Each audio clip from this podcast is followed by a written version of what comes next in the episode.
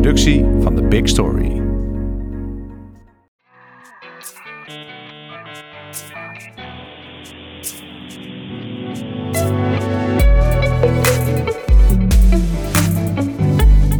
Dit is Komt een blad bij de dokter, de podcast van bladerdokter.nl over media-innovatie. We gaan het vandaag hebben over machine learning en artificiële intelligentie in media en journalistiek. En dat is een heel belangrijk onderwerp, want op het moment dat artificiële intelligentie uh, net zulke goede teksten schrijft als een ervaren journalist, uh, en op het moment dat er prachtige illustraties kunnen worden gegenereerd op basis van een hele simpele geschreven instructie, dan weet je dat er wat staat te veranderen in ons vakgebied.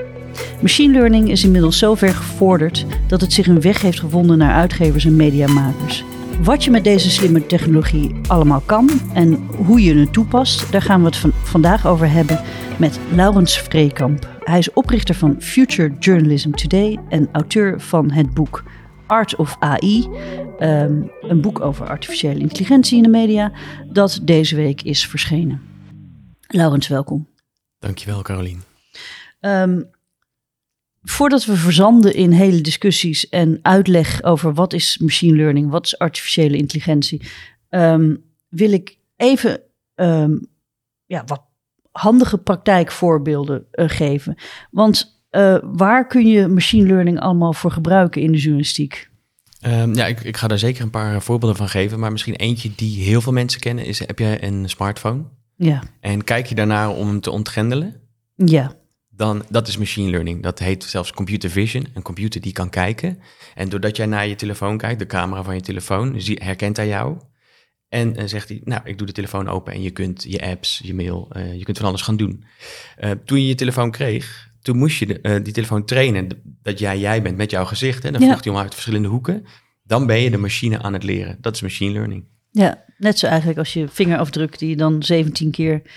Um, Precies, ja. ja. Nou, uh, heb ik jouw boek gelezen uh, met overigens heel veel plezier. Ik vond het uh, razend uh, fascinerend. En Dankjewel, goed om te horen. Ja, en ik moet ook, ik denk ook dat het wel verplicht leervoer is voor mensen in de media om zich te realiseren welke technologisch, technologische golf er allemaal door ons vakgebied heen raast. Want het gaat razendsnel met die, um, ja, met artificiële intelligentie.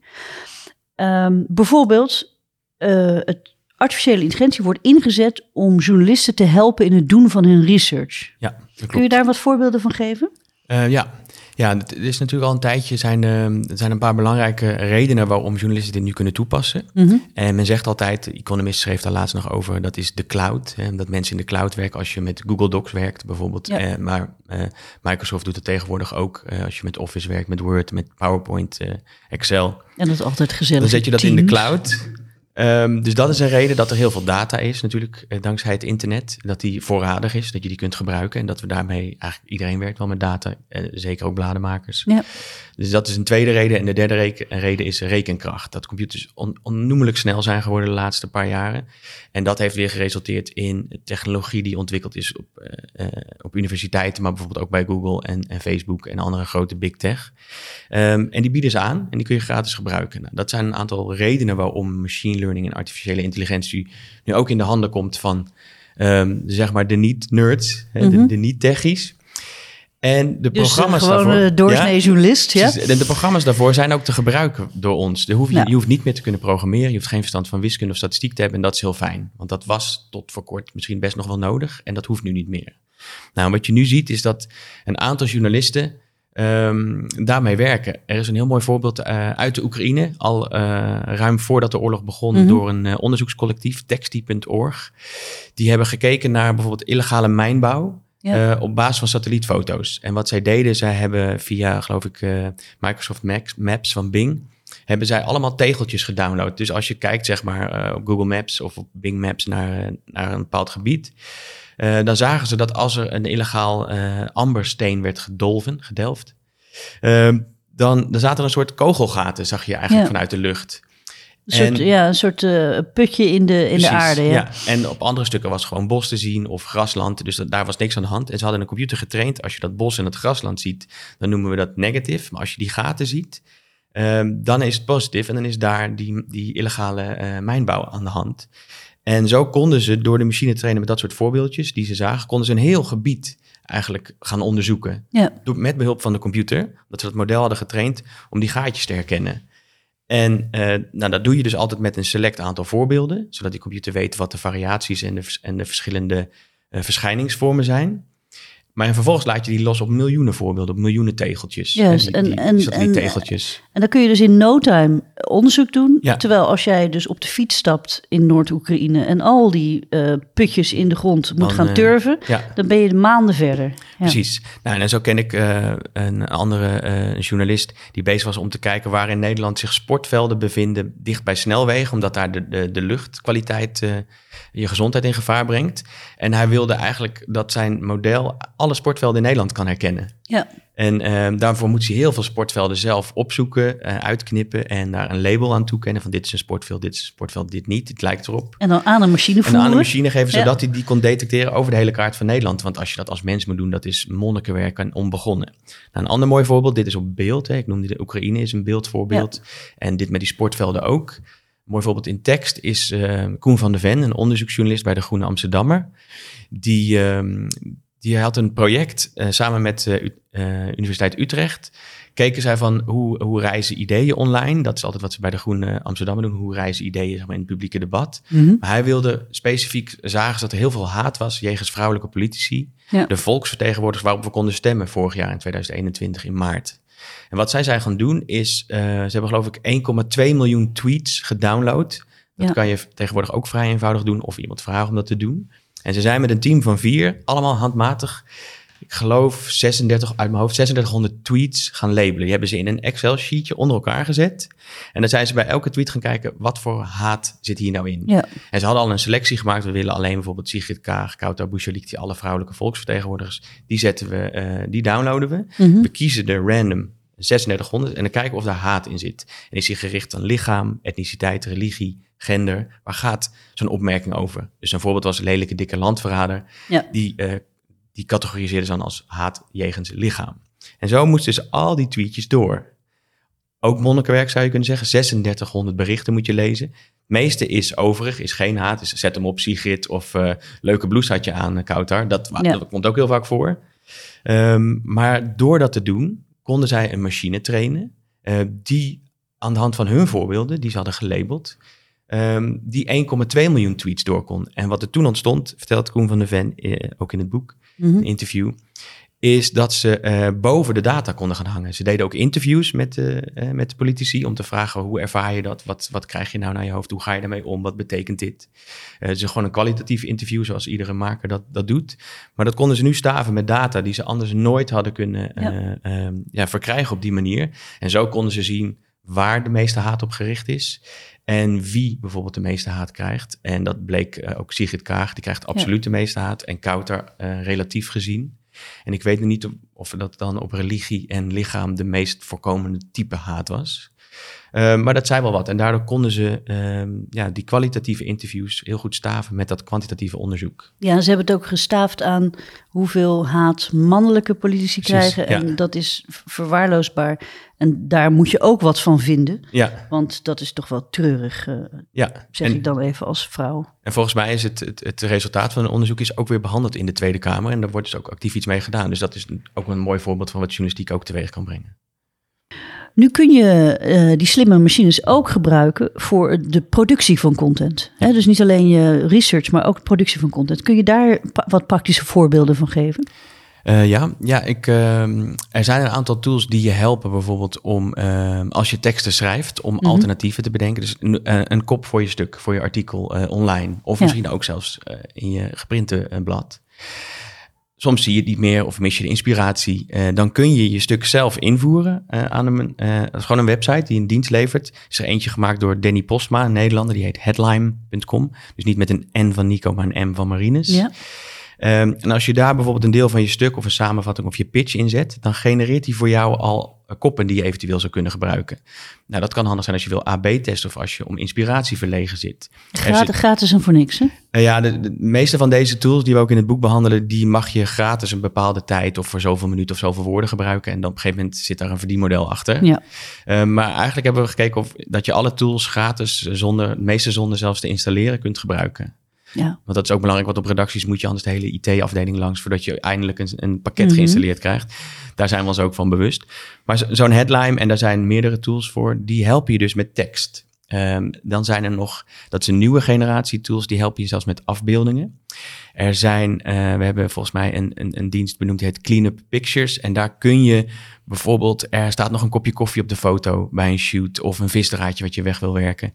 Um, die kun je heel makkelijk uitgummen als een soort Photoshop. Maar dat kunnen ook mensen zijn. Als je iemand van de, van, uit een afbeelding weg wil halen, dan vervangt hij dat gewoon met de achtergrond. Dus als je dan een grasland zag en een ondergaande zon, dan vult hij dat automatisch voor je in. Dat is AI.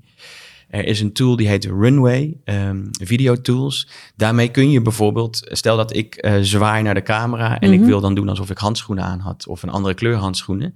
Dan um, selecteer ik mijn handen in een paar frames, dus een paar verschillende frames, en dan herkent hij die. En dan kan ik die substitueren, eigenlijk vervangen voor een ander object. En die plaats je daar automatisch in. En dit doe je in twee minuten. Ja. En dan doet hij dat voor je gehele video. Ja. Nou, dus dit soort tools die werken allemaal in de browser, dus gewoon in, uh, in Chrome of Firefox. En daar kun je direct mee werken, direct mee aan de slag. Er zijn ook tools die uh, je spelling controleren en die suggestie geven voor uh, een betere grammatica. Ja. Dat is dus een soort AI-eindredacteur. Ja, dus één tool die heb ik zelf ook voor het boek af en toe gebruikt. Daar schrijf ik over. Dus het wordt een beetje een soort drosten-effect. Mhm. Language Tool heet die. Uh, dat is volgens mij ooit begonnen ook als een academisch project. Um, daar kun je inderdaad je tekst in zetten en dan zegt hij: Dit is wat archaïs, je gebruikt nu menig één of zo. Mhm. Vermijd dit soort woorden. Of um, bijvoorbeeld uh, genderneutrale termen gebruiken voor politieman. Dan kan je politieagenten doen, geeft hij dan aan. Maar inderdaad ook deze en deze, of dat je werkwoord niet loopt, of dat de zin te lang is. Tankconstructies, dat, ja. ja tankconstructies, nou, dat geeft hij allemaal aan. Ook voor Nederlands, en dat is heel fijn. En je ziet nu ook steeds meer dat die pakketten, waar die voorheen vooral hè, op Engelse taal gebaseerd waren, omdat op het internet is de meeste data Ja. sowieso in het Engels beschikbaar, komt het gelukkig nu ook steeds meer voor de Nederlandse talen. Meestal werd Spaans en Frans werden een goede tweede. eh Mandarijn ook. Eh, en voor Arabische talen mocht je bijvoorbeeld dingen opzoeken online, dingen willen transcriberen. Ja. Daar is AI heel eh, steeds beter in. Vertalen. Nou, daar gebruiken denk ik heel veel makers al AI voor. Als je Google Translate gebruikt, gebruik je machine learning en AI. Ja. Dus daar zit het ook al in. Ja. Ja. Ja. ja, en zeker als je bijvoorbeeld een, dat ik deze podcast aan zo'n machine voer en dat, dat die daar eigenlijk al automatisch een artikel van maakt. Ja. Maar er ko- komt natuurlijk nog wel wat inkorten bij dan, want we, gaan het, we zijn pas net begonnen en het is heel fascinerend, dus ik, wil, ik ben nog lang niet klaar. Ehm, eh, je hebt in het boek ook een voorbeeld eh, van een samenwerkingsverband tussen NPO, RTL en het Instituut voor Beeld en Geluid, die een machine zijn gaan trainen om trailers te maken.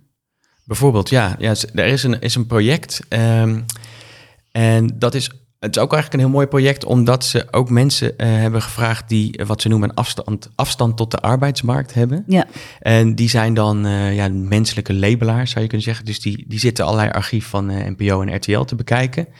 En geven daar dan een, eh, een label aan. Dus een, een tag of een trefwoord zou je kunnen zeggen. Van hier is spanning, hier is verdriet, hier is dingen die je niet zozeer aan het beeld zelf kunt zien of uit de ondertiteling kunt halen. mhm. Eh, maar waarbij we een soort menselijk waardeoordeel of, of een menselijke een toevoeging emotie een bijvoorbeeld. ja, emotie ja. inderdaad kunnen, kunnen toevoegen. En als je dat maar bij genoeg beel- beelden hebt gedaan, ook dan weer kan een machine daarvan leren en zegt, hey, ik zie daar eh, mensen die een bepaalde gezichtsuitdrukking hebben, die misschien een bepaalde afstand tot elkaar misschien juist niet dicht bij elkaar zijn, dus die zijn misschien boos op elkaar. Mhm. Hebben, ik zie de lichaamshouding. Wij weten vaak trouwens niet wat de machine ziet. Maar als wij hem trainen met honderden van dit soortzelfde beelden, twee personen die ver uit elkaar zitten, niet naar elkaar kijken met de armen over elkaar.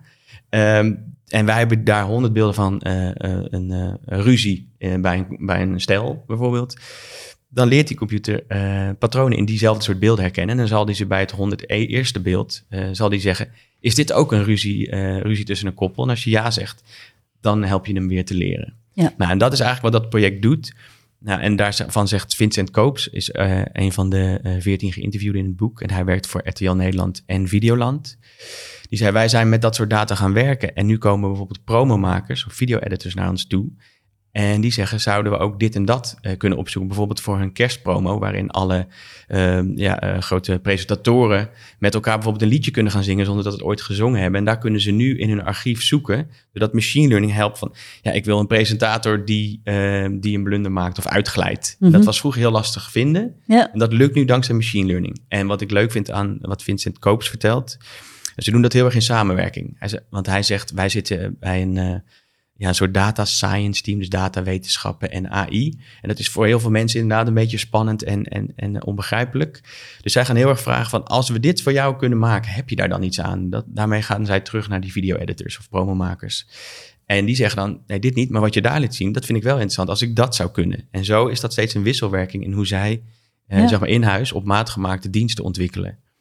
Maar kun je het je voorstellen als je, de, als je dat gaat toepassen op bijvoorbeeld je fotoarchief? Ja. je maakt al uh, 25 jaar een uh, reismagazine, ik zeg maar wat. En um, uh, je leert een machine um, um, ja, mooie bergachtige natuurgebieden te herkennen door... nou, dan kan je dus al je archief gaan voorzien van labels en ja, om het veel beter ontsluitbaar te maken. Ja, en, dus, en sterker nog, dan zou je dat kunnen doen. En als je in het CMS je bijvoorbeeld je stuk gaat, uh, gaat ja. klaarzetten, dan kan het CMS een aanbeveling doen en zeggen in het archief zijn dit de beelden die volgens mij aansluiten bij wat je geschreven hebt. Bij de tekst, ja. Bij de tekst. en dit is eigenlijk geen ver van je bedshow meer. Dit, dit kan al. Ja. En, en, je kunt het ook omdraaien, vond ik ook wel een aardig. Ik hoorde het laatst iemand zeggen, dat stel je, je werkt voor HEMA. En uh, je wil weten wat mensen precies doen met je tompoes. Ik ja. ga ervan uit opeten. Maar ook bijvoorbeeld in welke setting ze vaak tompoes eten. Daar kan je niet, eigenlijk niet op googlen. Dus je zegt hoe, waar, met wie eten mensen tompoes, krijg je niet zulke goede resultaten. Wat je wel kunt doen, is uh, bijvoorbeeld foto's van social media halen waarin mensen gebak eten.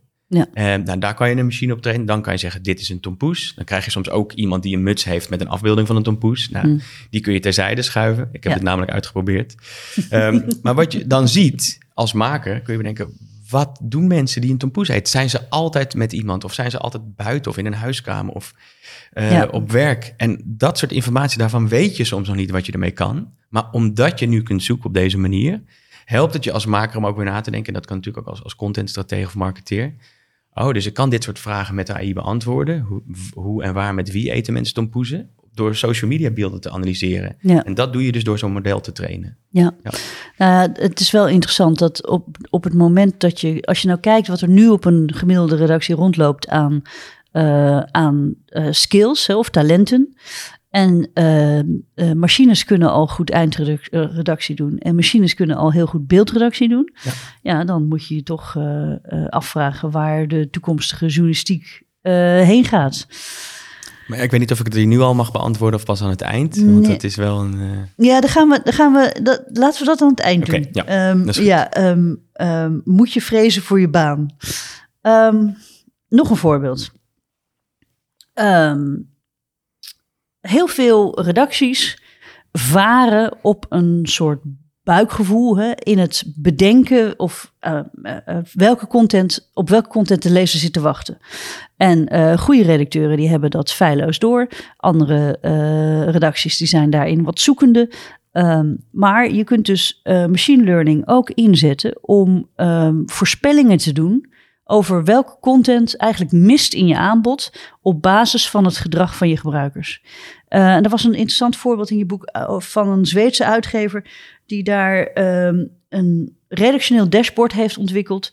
Uh, waar, de, waar redacties naar kunnen kijken en ideeën kunnen genereren, waarin ideeën staan van oké, dit zou je nu kunnen gaan schrijven. Ja, ja dat is een, een, inderdaad een Zweedse redactie. En wat zij hadden gedaan, en ze zijn eens gaan kijken, ook met hun, uh, met hun uh, analisten, van wat, wat wordt er nu gewaardeerd door het publiek? Zowel kwantitatief, dus wat zien we in de cijfers. Hè? En dat zijn dan uh, de downloads, de, de, de, scroll depth, hoe ver zijn mensen gekomen in het stuk, hoeveel mensen lezen dit stuk, worden doorgestuurd. Die kennen we allemaal ondertussen, denk ik wel.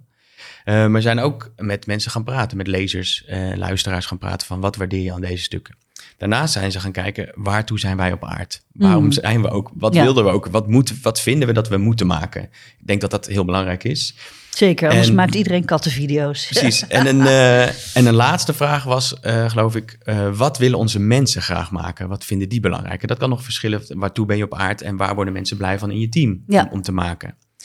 Dat zijn ze dus gaan bekijken. En toen kwam er geloof ik uit dat ze bijna een kwart van de content niet meer hoefden te maken, omdat eh, het team zelf dat liever niet maakte. En Mhm. dat de mensen het niet lazen en het niet waardeerden. Kijk, En dat, kun, dat waren misschien, en dit was een, grote eh, Zweedse krant, een, dag, een, eh, een nationaal dagblad. Dus misschien waren dat ja, de, de brandweerberichten en, en files en misschien kleine, hele kleine ANP-achtige berichten. En dat betekende, en hier zit ook altijd meteen een gevaar in, dat ze meer tijd kregen voor de stukken die ze zelf wilden maken, die ze moesten maken en die het publiek waardeerde. ja, Ehm, nu zijn er altijd mensen die bang zijn, ja, maar dan wordt dat opgevat dat ik nog meer dingen moet maken, omdat ik hoef nu sommige berichten niet meer te doen, maar dan krijg ik alleen maar meer werk. Maar zij hebben dat wel zo weten te organiseren dat ze echt zijn gaan kijken. Dus onze formule die wordt wat anders. En de volgende stap, dus na deze analyse, kwam die formule en hebben ze gezegd: Oké, dus dit vinden we dat we moeten maken. Dus stel, we schrijven altijd over politiek en we moeten een reportage hebben van iets waar niemand aan denkt, maar wat belangrijk is. Eh, dan, dan komt dat ook eh, drie keer in de week bijvoorbeeld op de homepage. Eh, maar we weten ook dat recepten het goed doen op donderdag. En ik, ik noem maar wat, hè. ik denk gewoon hardop nu. Ehm, en dat hebben ze eigenlijk aan het systeem gevoerd. Met, op basis van analytics en hun eigen formule. En zo konden hoofdredacteuren gedurende de dag en de week zien. Je hebt vandaag al een aantal van dit soort artikelen van die aard, van dat type Ja. gebracht. Of een lang interview of een, een korte reportage. Het wordt tijd voor een analyse Ja. van, eh, van een maatschappelijk fenomeen. Want dat heb je nog niet gebracht deze week. En eh, dat zit in je formule, dus wellicht moet je dat nu gaan doen. En nogmaals, die redactie zelf heeft hier eh, het heft in handen. Dus noem het data geïnformeerd en vooral Ja. niet data gestuurd. Mhm. Ehm, maar het helpt je ook. Ik ken een ander voorbeeld van de Nederlandse redactie. Dat als in de weekenddienst door de kunstredacteur wordt gedaan, de homepage. Ja, die zal denken, "Hmm, de- de- dit sportbericht, dat geef ik iets minder aandacht. En deze nieuwe beurs over Ja. fotografie, die zet ik wat prominenter neer.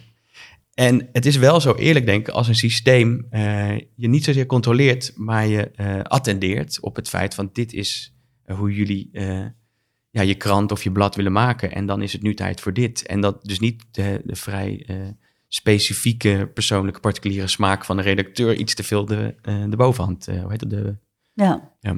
Nou, nou is het denk ik tijd om even toch een hele eh, blonde vraag te stellen. Eh, wat is nou het verschil tussen AI, artificiële intelligentie, en ML, machine learning? Ja, dat is wel een goeie, want ehm, daar is heel veel eh, ruis. En er is geen Ja. universele definitie van AI, van kunstmatige intelligentie. Ja, er wordt grofweg gezegd, of als een soort algemene uitleg, is dat het een, een poging is om een menselijke intelligentie na te bootsen in een computersysteem. Mhm. En, maar het is al heel moeilijk om te bepalen wat menselijke intelligentie precies is. En Ja. Dieren hebben intelligentie en soms vind je kinderen van drie super intelligent. Ja. Dus wat is dat precies? Dat is al heel lastig vast te stellen. Er wordt wel gezegd dat machine learning is een eh, subcategorie, een subdomein van AI. Bij AI horen, horen bijvoorbeeld ook zelfrijdende auto's. Hè, Ja. Dat is bijvoorbeeld een vorm van AI. Ehm, eh, computers die spelletjes spelen, zoals Alpha, AlphaGo. Eh, Go is zo- zo'n zo'n Chinees bekend spel wat laatst door een computer is verslagen. Een, een menselijke speler wat nooit te doen zou zijn. Nou, dat vinden we ook AI. Ehm, maar machine learning is een, dat kun je zien eigenlijk als een, een technologie waarmee je ehm, een systeem traint op basis van voorbeelden eh, die jij het als mens geeft. Dus jij Hmm. selecteert de voorbeelden. Soms geef je daar de labels bij. Dan heet het eh, eh, supervisie. Want Ja. dan zeg je van dit is een hond, dit is een hond en dit is een kat en dit is een kat bij kattenplaatjes. En soms dan zeg je, er zijn allerlei verschillende beelden. Jij mag zelf bepalen waar, waar die verschillen precies zitten. En welke er bij de groepje A horen en B. En dan kijk ik als mens wel wat groepje A of B is. Ja. Dan ken ik daar waarde aan toe of dan haal ik dat eruit. Nou, en die machine, die leert dus van jouw voorbeelden. Dat is machine learning. Dus hij leert van jouw voorbeelden en daarmee kan die nieuwe voorbeelden zelf voorspellen. Van dit is als je hem een nieuwe hond geeft. Ehm, dus je hebt hem misschien een aantal poedels gegeven en je geeft hem dan nog een poedel en zegt ik denk dat dit een poedel is. Mhm.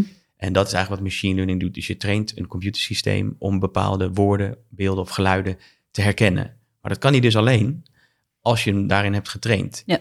En wat hij vervolgens doet, en dit herkennen veel mensen denk ik wel, is dat peuterspelletje dat je zo'n box hebt waar je een driehoekje, een rondje en een vierkantje in moet doen. Ja. En als je alleen maar een driehoekje, een rondje en een vierkant hebt aangegeven, dus stel uh, hond, kat, ezel, dan zal die een koe niet herkennen. Maar die koe moet dan in een van die drie vakjes die jij hebt bedacht. Ja.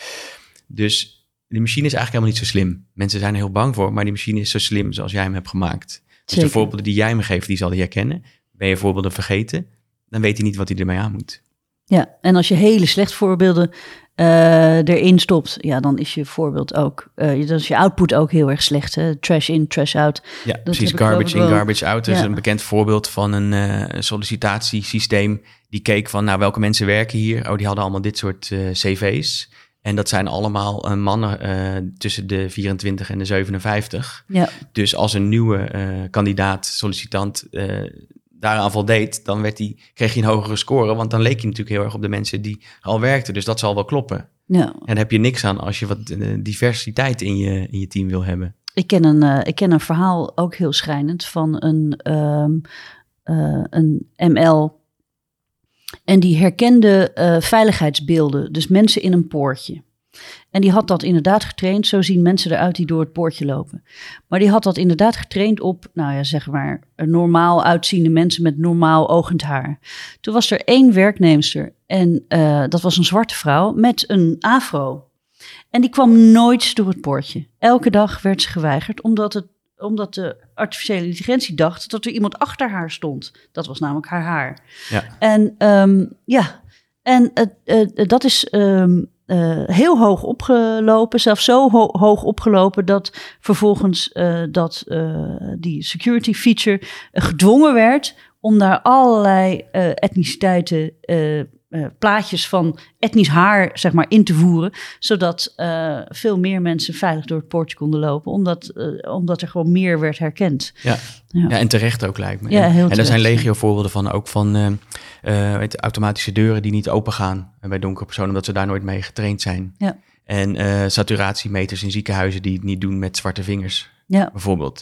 Nou ja, de, en, en dat blijkt maar weer, dat breekt een lans om je team zo divers mogelijk te maken. Ja. Een ander voorbeeld is de Apple Watch, die veel mensen dragen. Mhm. Daar was in, volgens mij de eerste generaties nooit een uh, toepassing voor uh, om je menstruatie bij te houden of je cyclus bij te houden. Ja. Omdat in het development team waarschijnlijk alleen maar mannen zaten. Ja.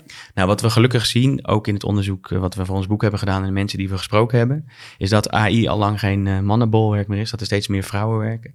Uh, met, met diverse achtergronden, die komen echt niet alleen maar uit computerwetenschappen, maar hebben allerlei soorten opleidingen gedaan. En ik denk dat het voor iedereen een, uh, ja, een, uh, een, ja, een goede ontwikkeling is. Dat die teams diverser worden en dat we ons er anno 2022 van bewust zijn. En niet alleen omdat we dat als maatschappij belangrijk vinden. Er zit denk ik ook een commercieel aspect aan. Want wat als je 51% van je doelgroep mist? Ja, zeker. als je niet over vrouwen hebt nagedacht en, en, en de diversiteit in je doelgroep. Ja, maar dat geldt natuurlijk niet alleen voor uh, de data die je, je AI of traint, maar dat geldt natuurlijk überhaupt voor alle teams, ook je redactie en diversiteit. Maar goed, ander onderwerp ja. hebben we het overigens uh, vorige podcast ook al uitvoerig ja. over gehad met Janice Dul.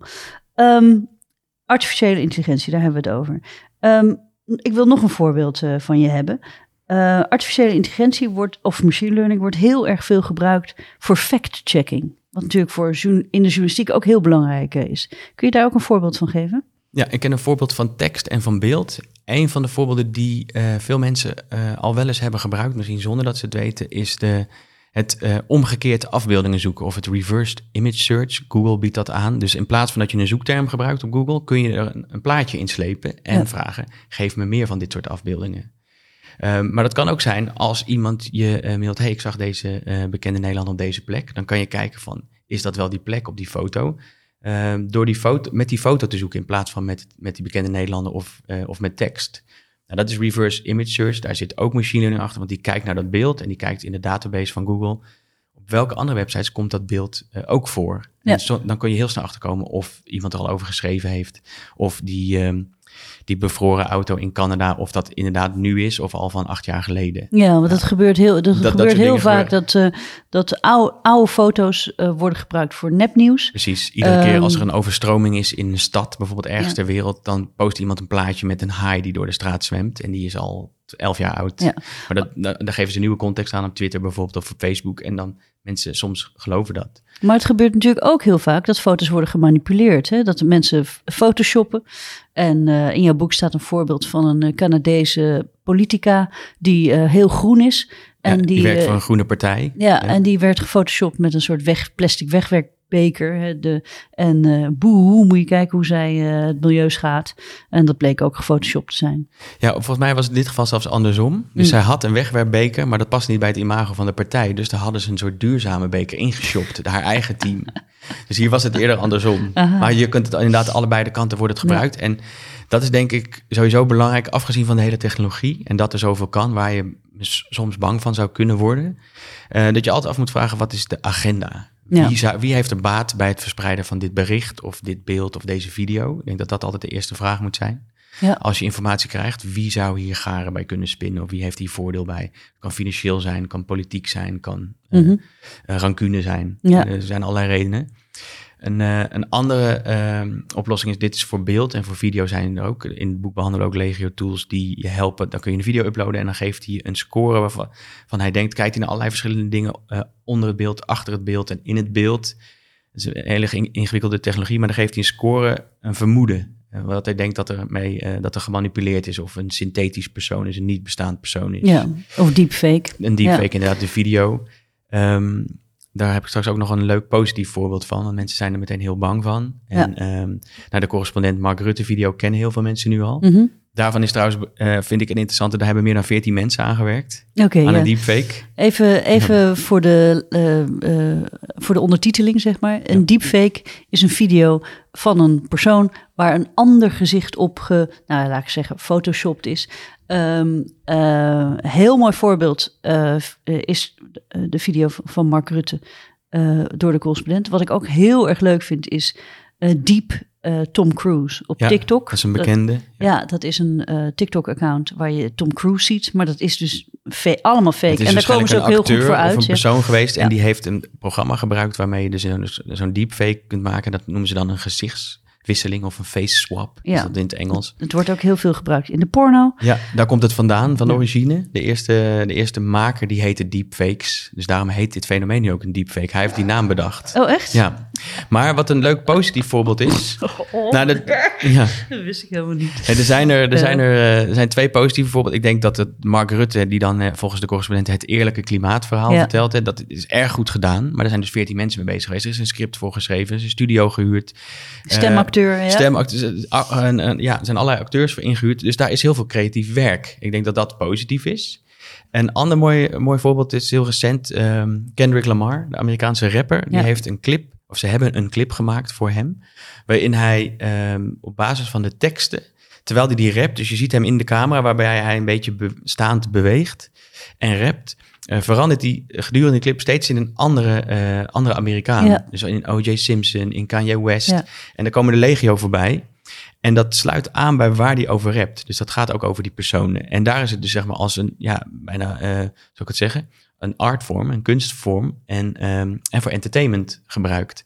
En wat daar weer saillant aan is, is dat de makers van die videoclip, ehm, daar zit een bedrijf achter, het Deep Voodoo. En dat zijn weer de makers van South Park. Dat vind ik dan een grappig Easter Ja. egg. Dus die makers van eh, South Park, die gaan ook met hun tijd mee. En die hebben zich in, in zo'n deepfake productiebedrijf. eh, Ja. ja. Maar dit is dan een heel creatief voorbeeld. Ja. Maar voor hetzelfde geld zie je straks een deepfake van president Poetin. Die erkent dat, die, dat de invasie van Oekraïne een vergissing was. Ja, en die worden waarschijnlijk ook, eh, ook gemaakt. Ja, En er zijn heel veel onderzoeksrapporten voor en dat, dat, daar, ehm, dat we daarvoor moeten waken. En daar zijn altijd meerdere oplossingen voor. Eén is technologie. Dus er zijn Sensity AI, Fairfake en geloof ik DuckDuckGoose. Ehm dat zijn een aantal tools. Veel Nederlandse makelij over. Nederland is goed vertegenwoordigd in het detecteren van, eh, Ja. van gemanipuleerde video en afbeeldingen. Ehm, dus technologie helpt daar. Dat is één, één manier om het op te lossen. Er wordt natuurlijk altijd gezegd, de politiek moet hier wet en regelgeving voor maken. Die is er al, schijnt. Eh, er kunnen heel veel eh, bestaande wetten voor gebruikt worden. Derde is dat mensen moeten worden opgeleid, zowel op de basisschool als makers. Eh, absoluut. en een van die redenen om dat te doen is denk ik door er zelf mee te experimenteren. Want als je weet wat er kan, herken je het ook sneller. Ehm, en een laatste is dat het toch vooral wordt gebruikt, de deepfakes, waar men de meeste schade ziet, is inderdaad in ehm, ja, revenge porn-achtige situaties. Dus waarbij een, een ex of een bepaalde uh, loverboy-achtige context iemand uh, ja, dus in een kwaad dag, daglicht stelt door een video van een persoon te maken in een situatie waarin hij of zij nooit geweest is. Ja. En het meeste worden vrouwen geschaad in deze situaties. Ja. Um, en dat is natuurlijk heel kwalijk. En dat is een, een, inderdaad een negatief gevolg van die technologie. Um, Desalniettemin. Het toch een hele fe feministische podcast ja. zo. En terecht, lieve luisteraars. Ja, ja Um, maar uh, fotomanipulatie, deepfake, um, maar ook um, uh, timestamping, maar ook uh, het, wanneer is een tekst gepubliceerd, ja. maar ook is een tekst ge, veranderd. Hè? Da daar heb je natuurlijk ook allerlei ja um, uh, machine learning voor. Wat auteursrechtelijk natuurlijk ook wel weer interessant is. Ja, en ik weet dat de, het ANP die heeft zo'n soort systeem. En die, dat is net van naam veranderd. Maar nu ben ik eigenlijk bijna de namen vergeten. Maar ze gebruiken een systeem die kan zien of mensen foto's uit hun archief gebruiken of teksten. Ja. Um, uh, ja, of, ze, of het plagiëren. Nou, als je ooit gestudeerd hebt, dan herken je geloof ik Eforus. Zo'n systeem waarbij je altijd je, je verslagen en je papers moest indienen. En die dan checkt of het niet te veel leek op bestaande dingen in de dataset. Ja. Daar zit inderdaad, dat is ook vaak wel statistiek, heb ik me laten vertellen. Uh, door Marlies van der Wees, met wie ik dit boek samen heeft, heb geschreven. En zij is echt een machine learning engineer. Zij is zelfs gepromoveerd op machinevertalingen. Ja. Um, dus dus die, uh, die is ook heel erg van de techniek en die kan dat gelukkig ook heel goed uitleggen. Dus dat is heel fijn. Um, en zij zegt, ja, daar zit heel vaak statistiek in ook, hè, dat plagiaat herkennen. Maar wat een andere leuke, uh, interessante dienst is, is door Nederlanders en Vlamingen ontwikkeld. Het heet FactRank. En dat is het mhm. fact-checken. Dus stel er is een, een, debat met politici of er is een talkshow in Nederland. Uh, mensen hebben het ergens over. Dan hebben zij een techniek ontwikkeld die kan zien of een uitspraak fact-check waardig is. Het checken van de uitspraak zelf is nog één stap te ver. In de toekomst wellicht mogelijk. Maar ze kunnen wel zien, hier zegt iemand iets wat een feit is, met bijvoorbeeld een getal, wat we kunnen gaan checken. Er is een bewering die gecheckt kan worden. En dat helpt dat team. Uh, Alexander Pleiter en Peter Burger van de Universiteit Leiden zitten daar ook bij. En Jan Jagers in, in Vlaanderen. Dat helpt hen, want dan hoeven ze niet bij al die talkshows en alle debatten in de Tweede Kamer hetzelfde te volgen. Maar de AI volgt voor hun die debatten, dus die transcribeert die teksten, ja. leest die tekst en zegt: Hier zegt Mark Rutte iets, of hier zegt ja. iemand van het bedrijf Rituals iets in die uitzending, wat, uh, wat, je, wat je kan checken, wat mensen in twijfel trekken. En dat is check, checkbaar, checkwaardig, maar dan moet een mens dat alsnog gaan doen. Nog een, uh, nog een goed voorbeeld. Um, en dat is het monitoren van uh, gebruikersreacties. Uh, je hebt um, in de media heb je natuurlijk het belang van ehm, ja, het community management. mensen willen graag op je content reageren. Alleen wil je dat handmatig allemaal gaan modereren, ja, dan heb je dat is, ja, daar heb je ontzettend veel uren voor nodig. Nou, een heel mooi voorbeeld is natuurlijk het Viva Forum. Uh, daar waren vrijwillige moderators die daar vervolgens uh, een beetje met de regie vandoor ging, gingen. Heel bekend voorbeeld. Um, Nu.nl had reacties, is daar uiteindelijk mee gestopt. Omdat er gewoon te veel uren in de moderatie gingen zitten. En nu komt machine learning dus met een, met een oplossing. Dat staat in je boek, kun je dat vertellen? Ja, ja, dat is wel aardig. Ik heb uh, Gert-Jaap Hoekman uh, en Colin van Hoek, die daarbij bij nu voor verantwoordelijk zijn, heb ik in ieder geval Colin gesproken. En die heeft ook uitgelegd, ze zeiden op een gegeven moment inderdaad, het is niet meer te doen met de reacties. En wat levert het ons eigenlijk op? Ja. Naast het feit dat er heel veel zijn, moet je ze ook modereren. En het is niet heel constructief. Het levert eigenlijk niet zoveel op.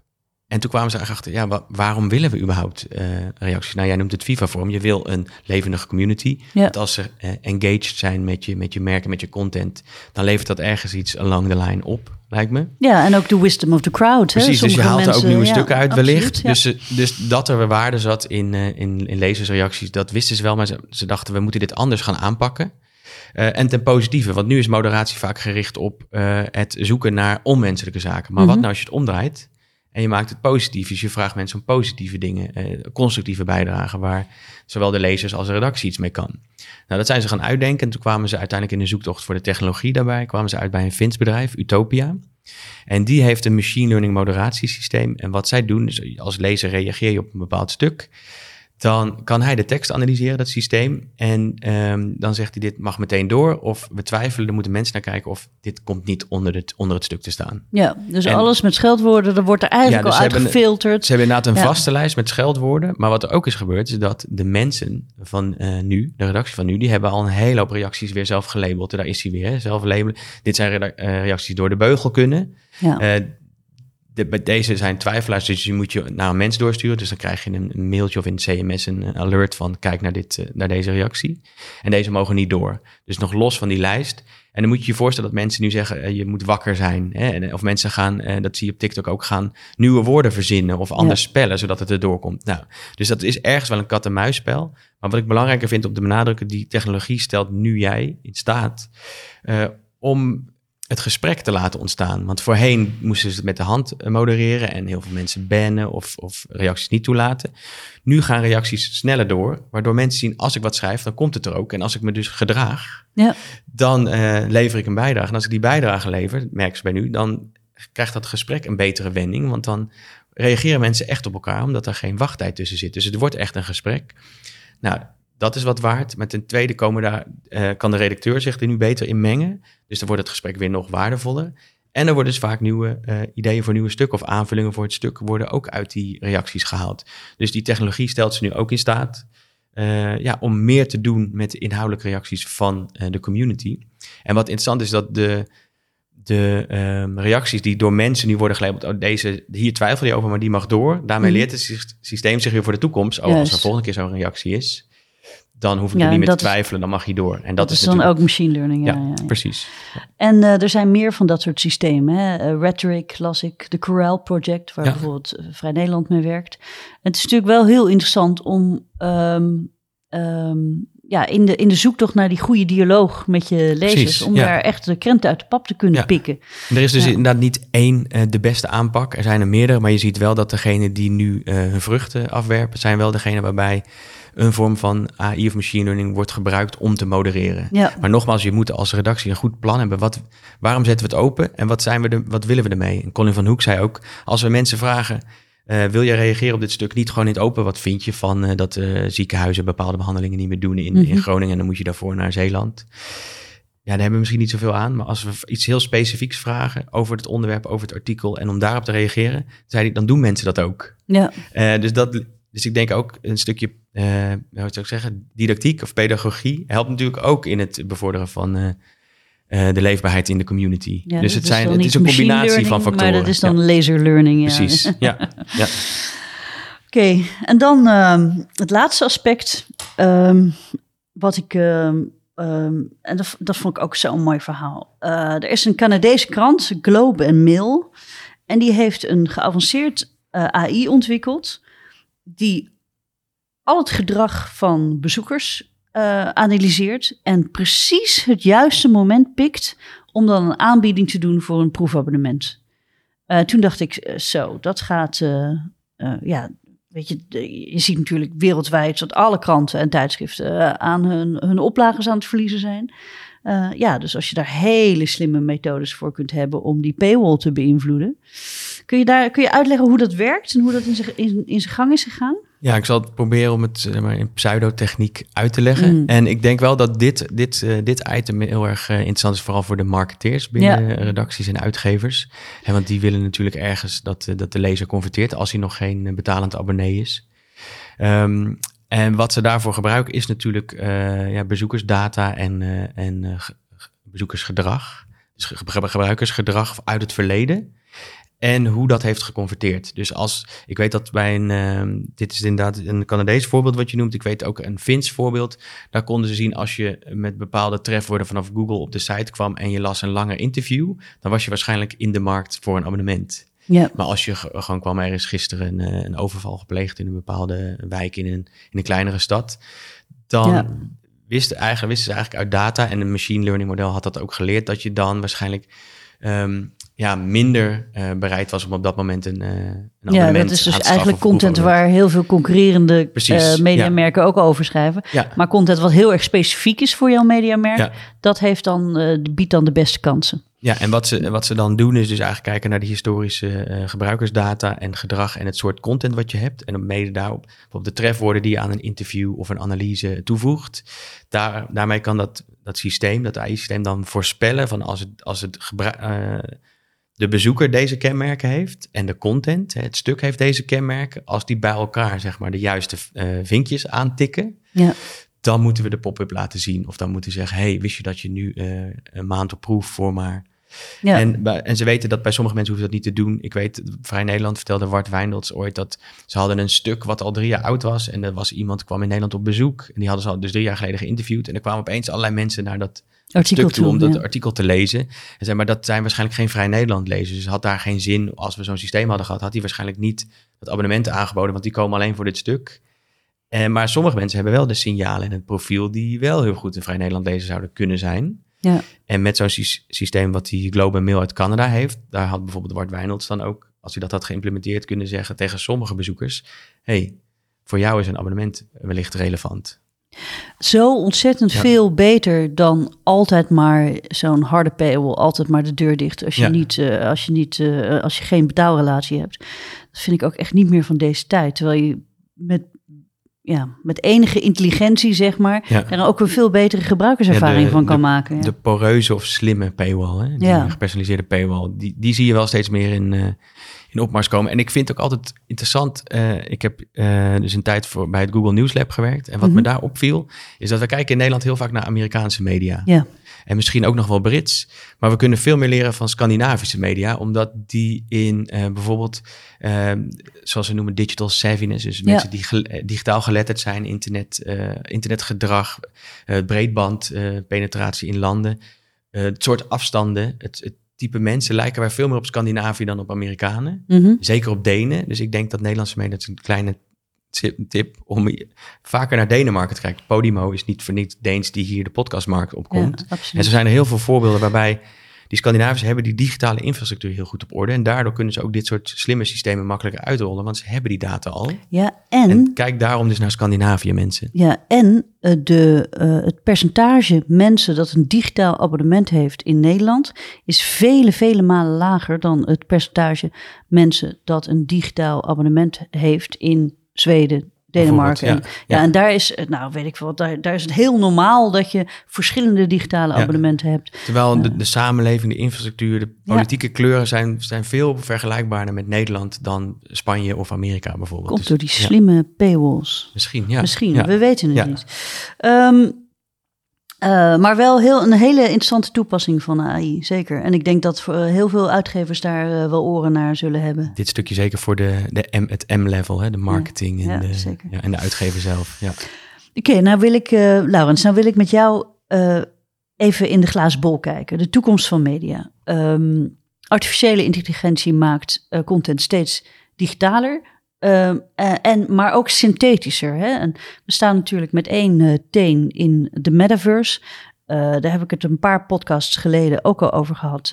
Media 2030, over de toekomst van ons vak. jij schrijft in je boek een soort toekomstvoorspelling, hè? een scène schetsje van een, een jong persoon uh, dat zelf haar synthetische media produceert, uh, ook een, zelf een ruimte inricht in de metaverse en aankleedt. En daar ook voor entertainment zorgt in de hoop dat haar vrienden en eventueel andere mensen daarnaar komen kijken. En uh, dat ze daar ook media in, de verkoop doet. Bijvoorbeeld kleding voor je avatar, ik noem maar even wat. Um, welke aandeel heeft artificiële intelligentie in die ontwikkeling van die metaverse? En waar schets jij, als je dan in die glazen bol kijkt, waar dat heen gaat de komende jaren? Ja, dat, dat, uh, nou, dat, dat is wel een hele interessante vraag. En de glazen bol is natuurlijk altijd spannend.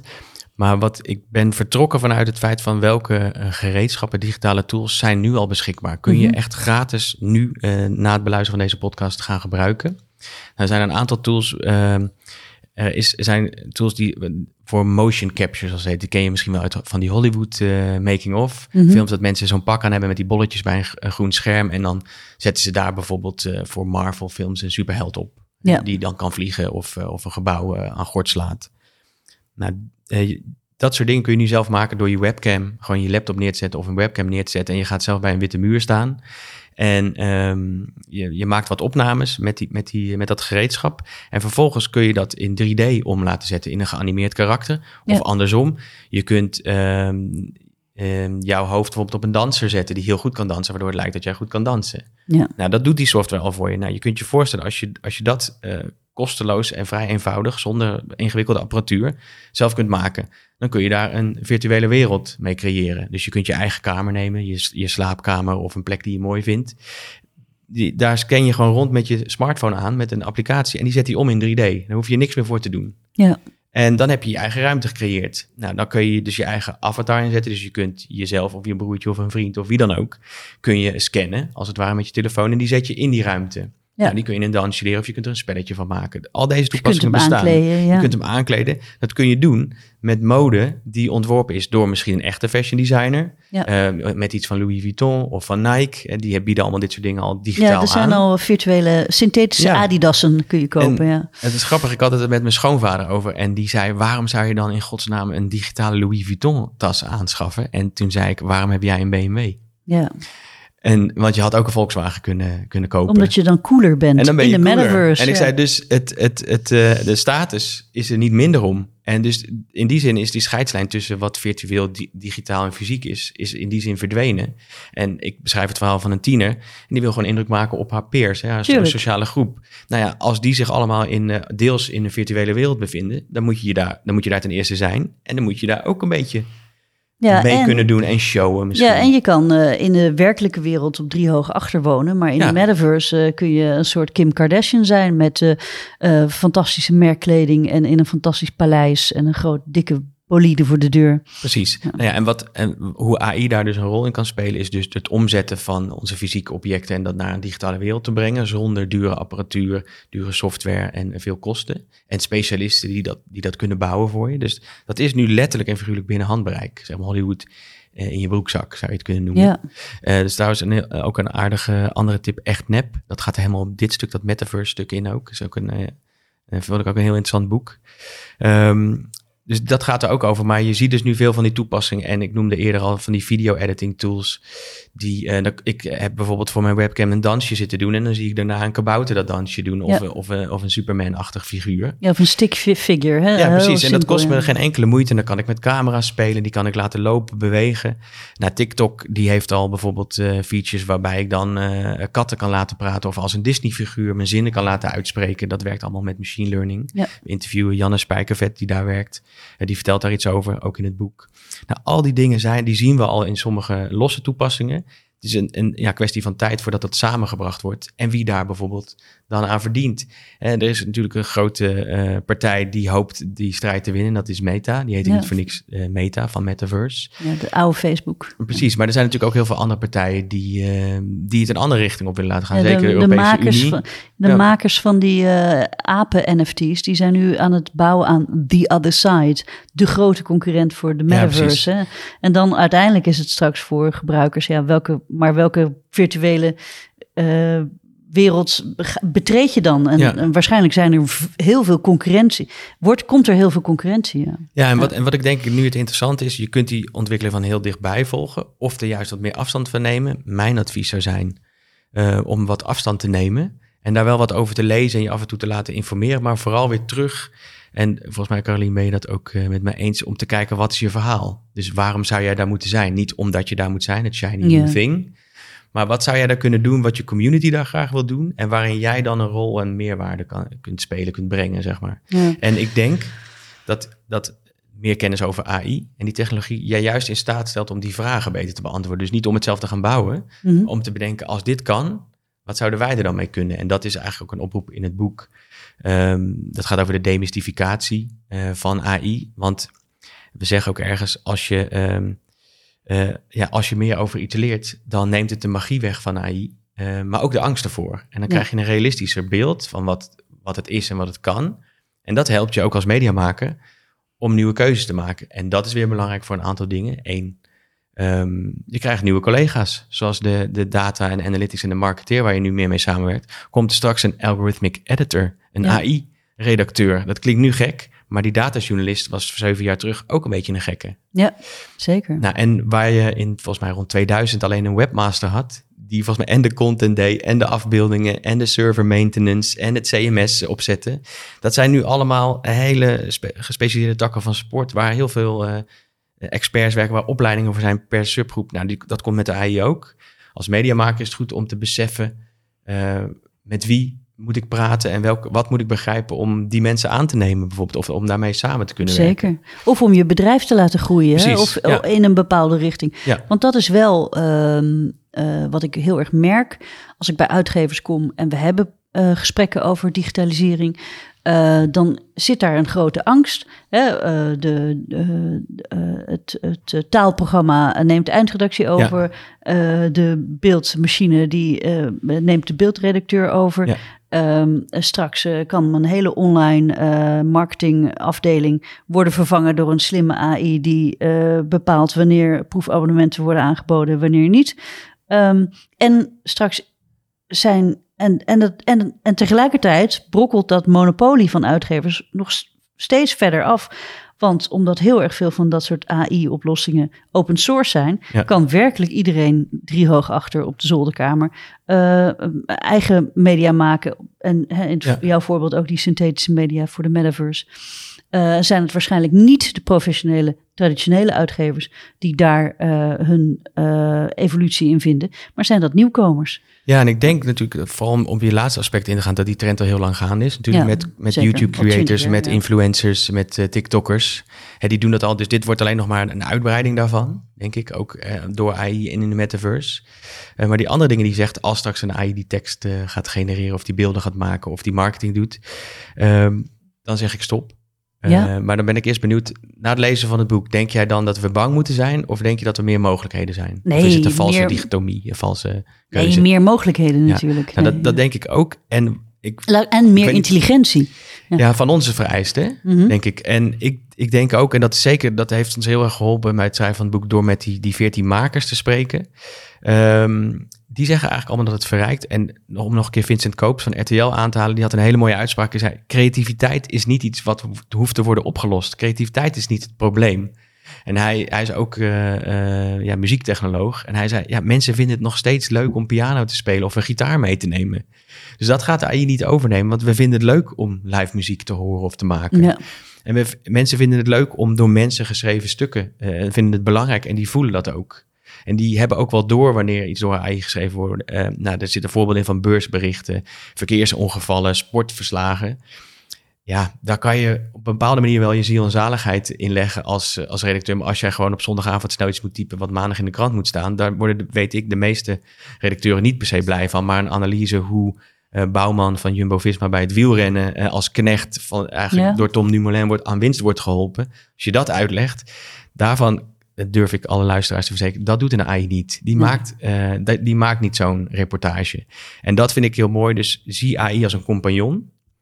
Um, gaat zeker niet jouw werk vervangen, maar gaat wel delen, um, sneller voor je doen of bij je wegnemen. En het is aan jou de vraag, welke delen wil je blijven doen als mens? En waarvoor word je betaald en waarvoor word je gewaardeerd? Bijvoorbeeld door je publiek. Dat is veel belangrijker om in te zetten dan op, om van jezelf een robot te maken. Want ja. dat, die strijd verlies je. Als je efficiënter wil worden, als je sneller wil worden, nou, die, ga, die ga je verliezen. Dus zet daar niet op in, maar zet op je menselijke aspecten in. Waarom je verhalen maakt, waarom dit verhaal verteld moet worden, bij wie dat verhaal moet komen. Uh, dan weet je ook hoe je uh, AI kunt benutten. Maar daarvoor moet je er wel in duiken. Nou, met deze wijze les wil ik uh, dit gesprek graag afsluiten. Uh, Laurens, heel erg bedankt. Um, nogmaals, ik plug hem even. jouw boek Art of AI Um, over artificiële intelligentie en machine learning in journalistiek en media ja. uh, is uh, nou, uh, op bol.com. Kan je hem ook en via artofai.nl ja, kan je Ik zou ook, een linkje zetten ja. op bladerdokter.nl. Um, echt een aanrader. Heel erg bedankt voor dit gesprek. Ik vond het een heel leuk gesprek, Caroline. Dankjewel.